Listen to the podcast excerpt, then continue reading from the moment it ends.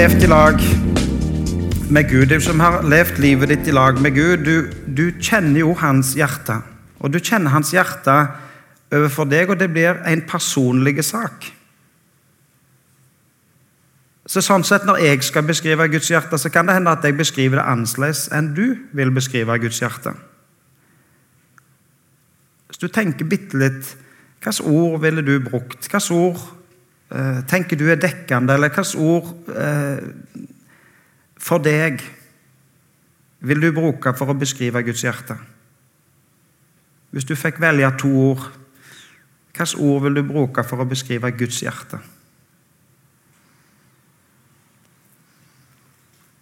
Det kan nok variere fra dag til dag, og ti til, altså, tider i livet kan ha forskjellige Eh, at du velger forskjellige ord eh, til forskjellige tider.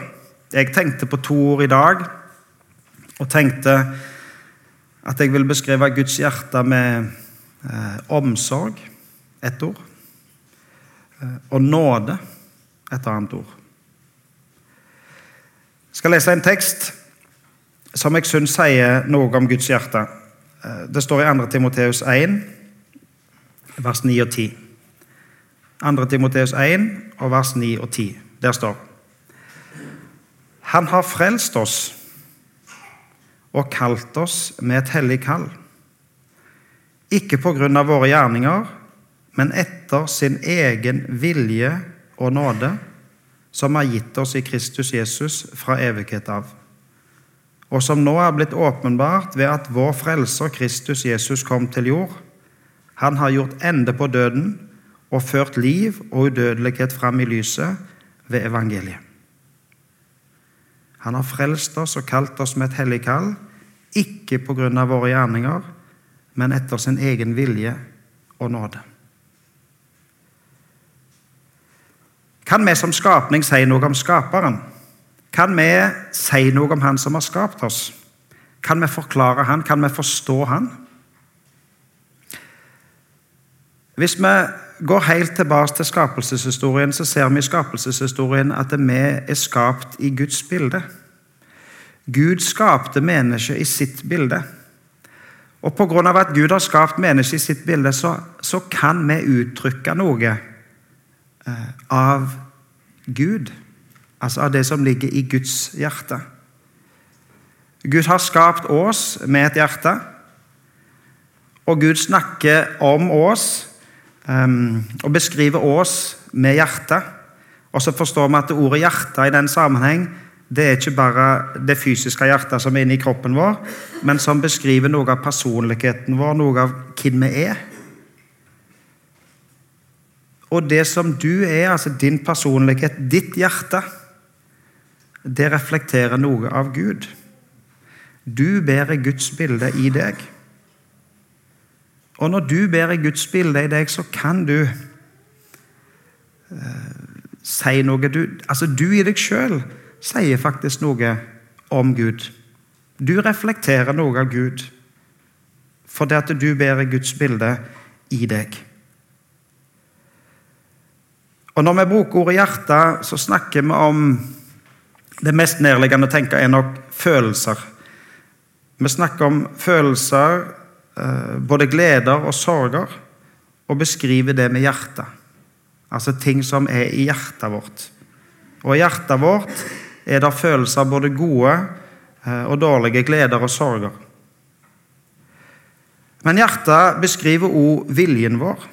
Altså hva som eh, hva hjertet har beslutta på. Er hjertet for eller imot? Bestemmer du deg for, eller bestemmer du deg imot? Beskrives også med, med hjertet. Og så kan vi også snakke om et, et forstandig hjerte. Et klokt hjerte, eller det motsatte. Så vi har både følelser, og vi har vilje, og vi har forstand, som beskrives med ordet hjerte. Noen få plasser i Bibelen så står det om Guds hjerte rett ut. Det står om eh, hva Gud kjente, eller hva han følte eller beslutta i hjertet sitt. Men selv om det kun står noen få plasser, så betyr ikke det at hjertet hans ikke beskrives. Det er ikke sånn at vi ikke vet hva Gud føler. Det er ikke sånn at vi ikke kjenner hans vilje. Nei, vi kjenner hans tanker. Hans tanker er åpenbart for oss i Bibelen. Så vi, vi forstår av å lese, av å høre eh, Guds ord, så forstår vi hva han føler. Og vi forstår hva som er hans vilje. Og vi kjenner hans tanker. Og selv om vi ikke klarer å forstå, så kjenner vi han likevel. For Gud er for store til at jeg skal kunne klare å forklare han. Men heldigvis så er ikke Gud begrensa av min forstand. Hvis Gud skulle vært begrensa av min forstand og ting som jeg kunne klart å forklare, så ville ikke Gud vært den han er. Gud er mye, mye større enn min forstand. Og det er det som eh, Ja. Det forklarer jo i grunnen at han er Gud. Skaperen er større eh, enn skapelsen. Han som har skapt oss, er større enn vi klarer å fatte og forstå. Eh, men vi kjenner han. Han har gjort seg kjent for oss likevel. Og Helt i begynnelsen så skapte Gud mennesket. Gud ville skape mennesket. Gud ønskte at mennesket skulle skape, skulle bli til. Og Gud, I skapelseshistorien, eh, når Gud skaper alt han skapte, så skapte han noe menneske og plasserte mennesket, og så sier han at alt er godt. Alt var godt. Men så leser vi i første Mosebok, i starten på Bibelen, f.eks. i kapittel 6, så leser vi at Herren så at menneskenes ondskap var stor på jorden. For alt de ville og planla i sitt hjerte, var ondt dagen lang.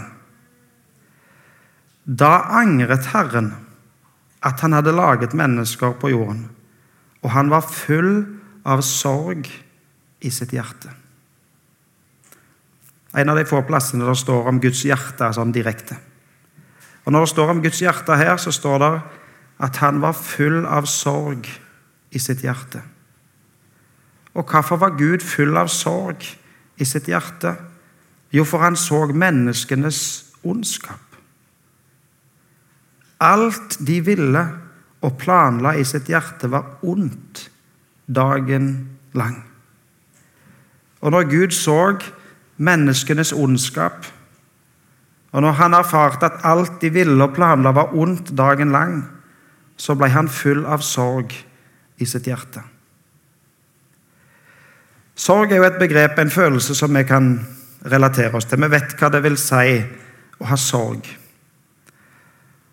Og så tror jeg ofte det er sånn for oss at når vi kjenner på sorg, så føler vi oss ofte litt handlingslamme. Når vi, når vi kjenner på sorg, så, så, blir det mange ganger som om vi kapitulerer, og så, og så kan vi ikke få gjort noen ting. For vi opplever sorg. Men det kan òg hende at vi reagerer på sorg um, og ønsker å ta vekk grunnen til sorg. Det er en grunn til at vi kjenner på sorg. Og jo nærmere si det, jo nærmere sorgen kommer oss, jo nærmere, eh, nærmere oss personer står som opplever sorg, eller om du opplever det direkte sjøl, jo nærmere sorgen kommer på oss, jo mer, jo sterkere kjenner vi på sorgen. Og så reagerer vi gjerne sånn at vi har lyst til å ta vekk grunn til sorg. Det fins en grunn til denne sorgen, og den grunnen vil vi ta vekk. Og Gud reagerer faktisk sånn her i denne teksten. Altså, Gud var full av sorg i sitt hjerte. Og så vil han utrydde det som er grunn til sorgen. Gud vil utrydde eh, det som står her som ondskapen. Han vil ta vekk det som er vondt. Han vil ta vekk det som ikke er godt. For Gud mente det og ønsket det godt. Og så ser han at nei, det som skjer, er vondt. Menneskene planlegger ondskap. Og så vil Gud utrydde ondskapen.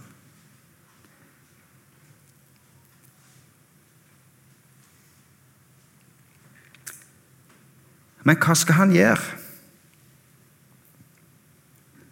når han elsker de som gjør vondt? Hva skal han gjøre når han er så glad i de som utfører vonde gjerninger?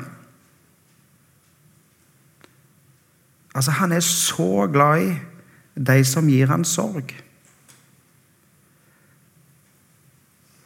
Han står på en måte så nærme de som gir han sorg.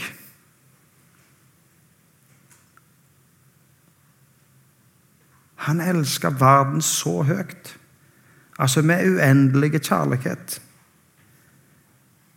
Og når de som gir han sorg, står han så nær,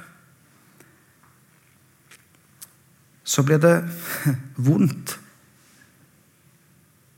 for Gud å ta et oppgjør eh, med ondskapen. Men pga. at han har så stor kjærlighet, pga. hans store kjærlighet til oss, så reagerer han så kraftig som han gjør.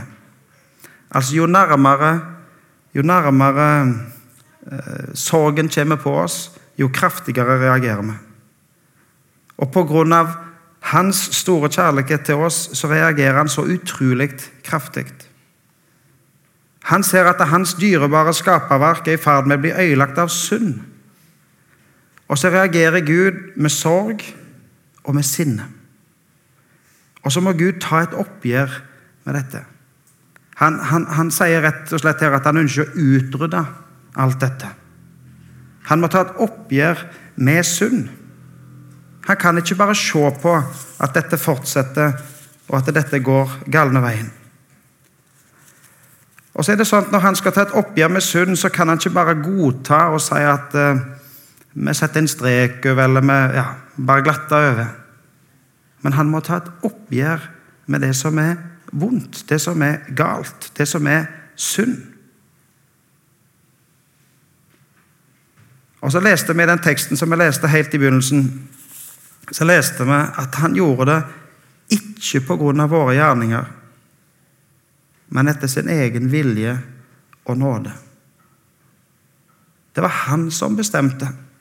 Det var han som etter sin egen vilje og sin egen nåde tok et oppgjør med eh, og ville eh, det beste for deg og meg.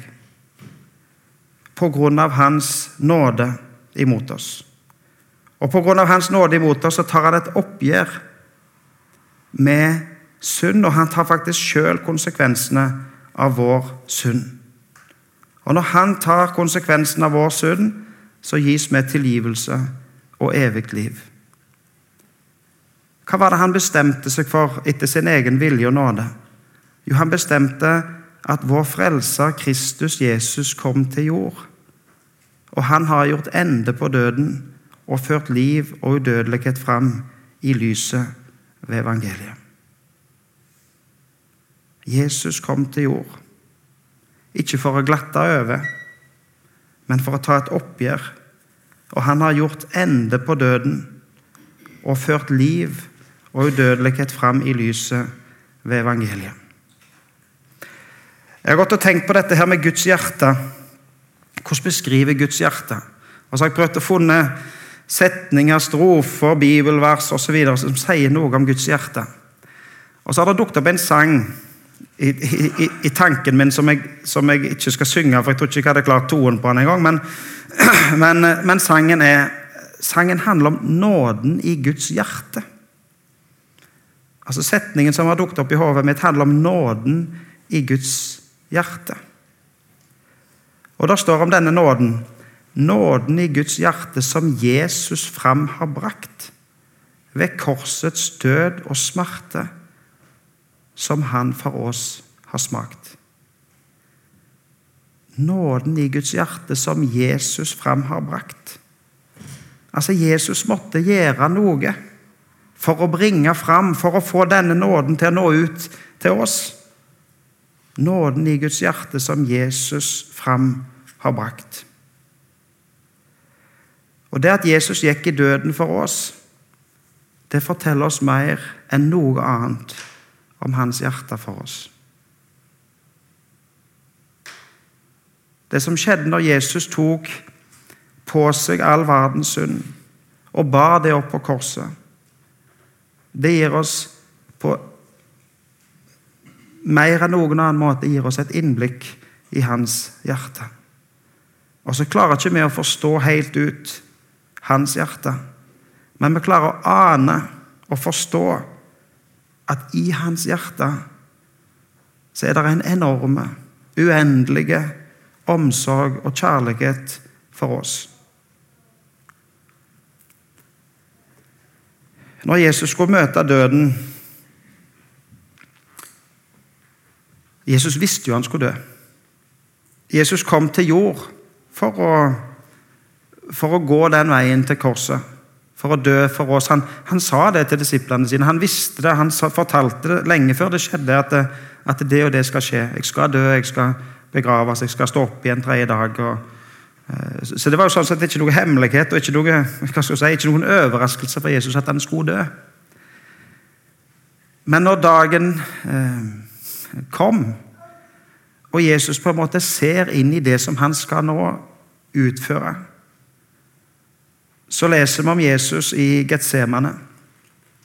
Vi har et bilde her framme i bedehuset der um, Jesus er malt uh, i Getsemane. Og der Jesus ligger på kne.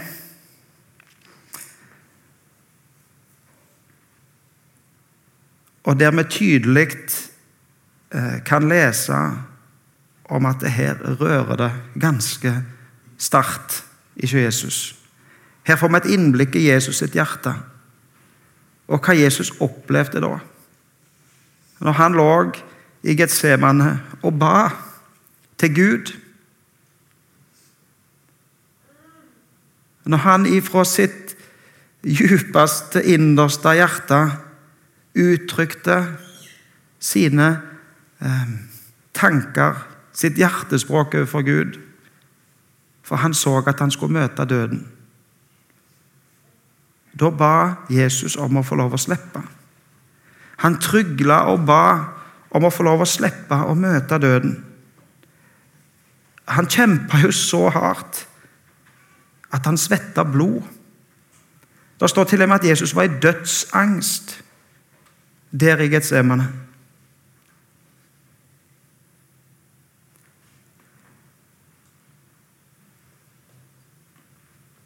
Jesus var jo et menneske. Men Jesus var ikke et menneske som, som, som, som var uten hva skal du si, uten altså Jesus var jo kanskje det mennesket med mest karakter som jeg eh, vet om. Altså Hvis noen kunne stå opp, hvis noen kunne stå for det han mente, hvis noen kunne på en måte eh, ja, oppføre seg på, på en eh, ja, ja, best mulig måte, så måtte det ha vært Jesus. Og så kan jo vi lese om og høre om historien eh, at det er mennesker som har gått i døden, altså mennesker som har møtt døden på en helt annen måte enn det Jesus gjorde. Vi kan høre om de første martyrene, for eksempel, eller for så vidt om martyrer i vår tid, som dør fordi at de bekjenner Jesu navn. Og så er det en, en ro over det. Og så er det på en måte en trygghet over det. Men jeg kan til og med møte mennesker som, som kommer til slutten av livet, eh, si, som lever tett på oss, og som, som, som, opplever en ro og en trygghet og en fred i møte med døden. Og så tenker jeg Jesus Hvorfor møter ikke han døden på en sånn måte? Hvorfor møter Jesus døden um, med, med, med angst og med kamp og med smerte. Hva som er forskjell på Jesus sin død og vår død? Hvis noen kunne møtt døden på en, si, på en heroisk måte, så måtte det vel vært Jesus. Og når andre mennesker klarer det, og vi kan lese sånne historier og på en måte fortelle om sånne beretninger Men så møter vi Jesus i dødsangst i Getsemane. Hva som er forskjell på hans død og vår død?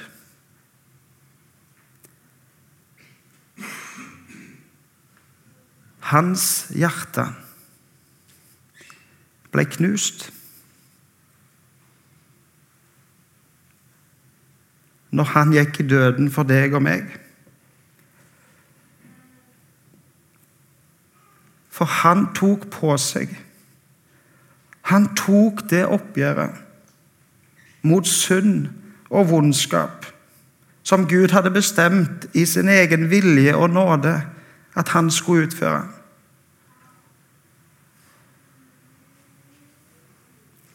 For Gud elsker verden så høyt at han sendte sin sønn for å ta på seg all verdens synd, og faktisk for å knuse hans hjerte. For at vårt hjerte ikke skulle bli knust.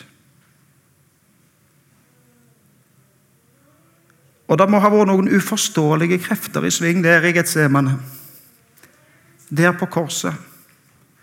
Noen utrolig sterke krefter som gjør at det til og med Jesus kjempa dødskampen. Jesus opplever Guds hellige straff for synd. Og den kraften, den var så eh, intens, så stor, at det knuste Jesus. Og Hva var det som fikk Jesus til å gå inn i det? Hva var det som fikk Jesus til å fortsette ifra Getsemane? Ifra hagen der han ba om å trygle til Gud om å slippe? Hva var det som gjorde at han gikk videre? Hva var det som gjorde at han lot seg bli tatt til fange? Hva var det som gjorde at han villig gikk inn i døden? Jo, for det var ei kraft som var sterkere. Og det var hans kjærlighet til deg og meg.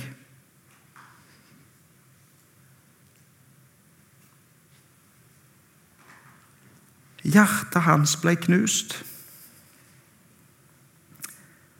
Og i hans knuste hjerte så ser vi hans uendelige kjærlighet til meg og deg. Og den kraften er sterkere enn eh, den kraften som knuste hjertet hans.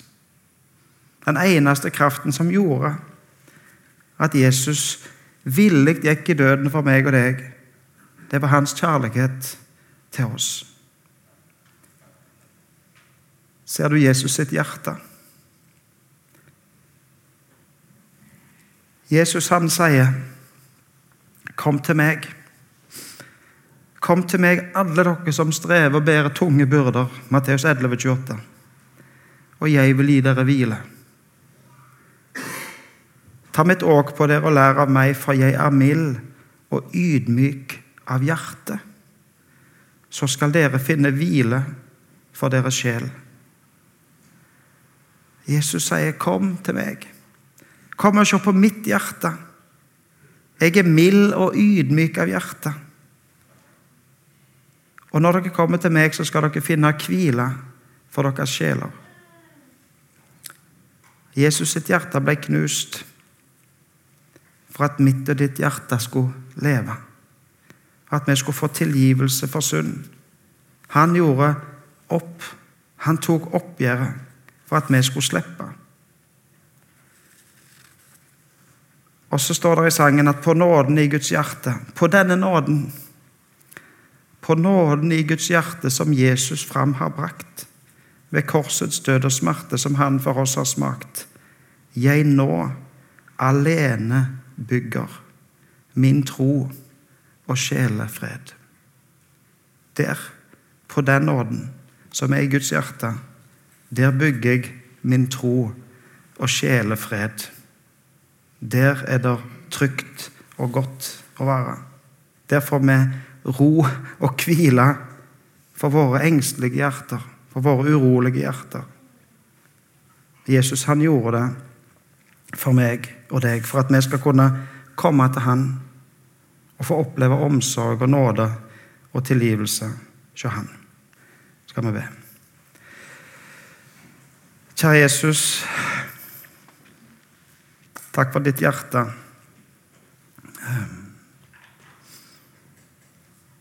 Som er fulgt av så sterke kjærlighet til oss. Takk for din omsorg for oss. Takk for den store, store nåde at vi får lov å komme ta imot og tro og få tilgivelse og evig liv, ikke deg. Hjelp oss du å se inn i eh, ditt hjerte, inn i din omsorg for oss. Hjelp oss å tro og ta imot og leve, ikke deg. Jeg ber Jesus om at du må velsigne dagen for oss i dag og sommeren som ligger før oss. Må du være med oss i ditt navn. Amen.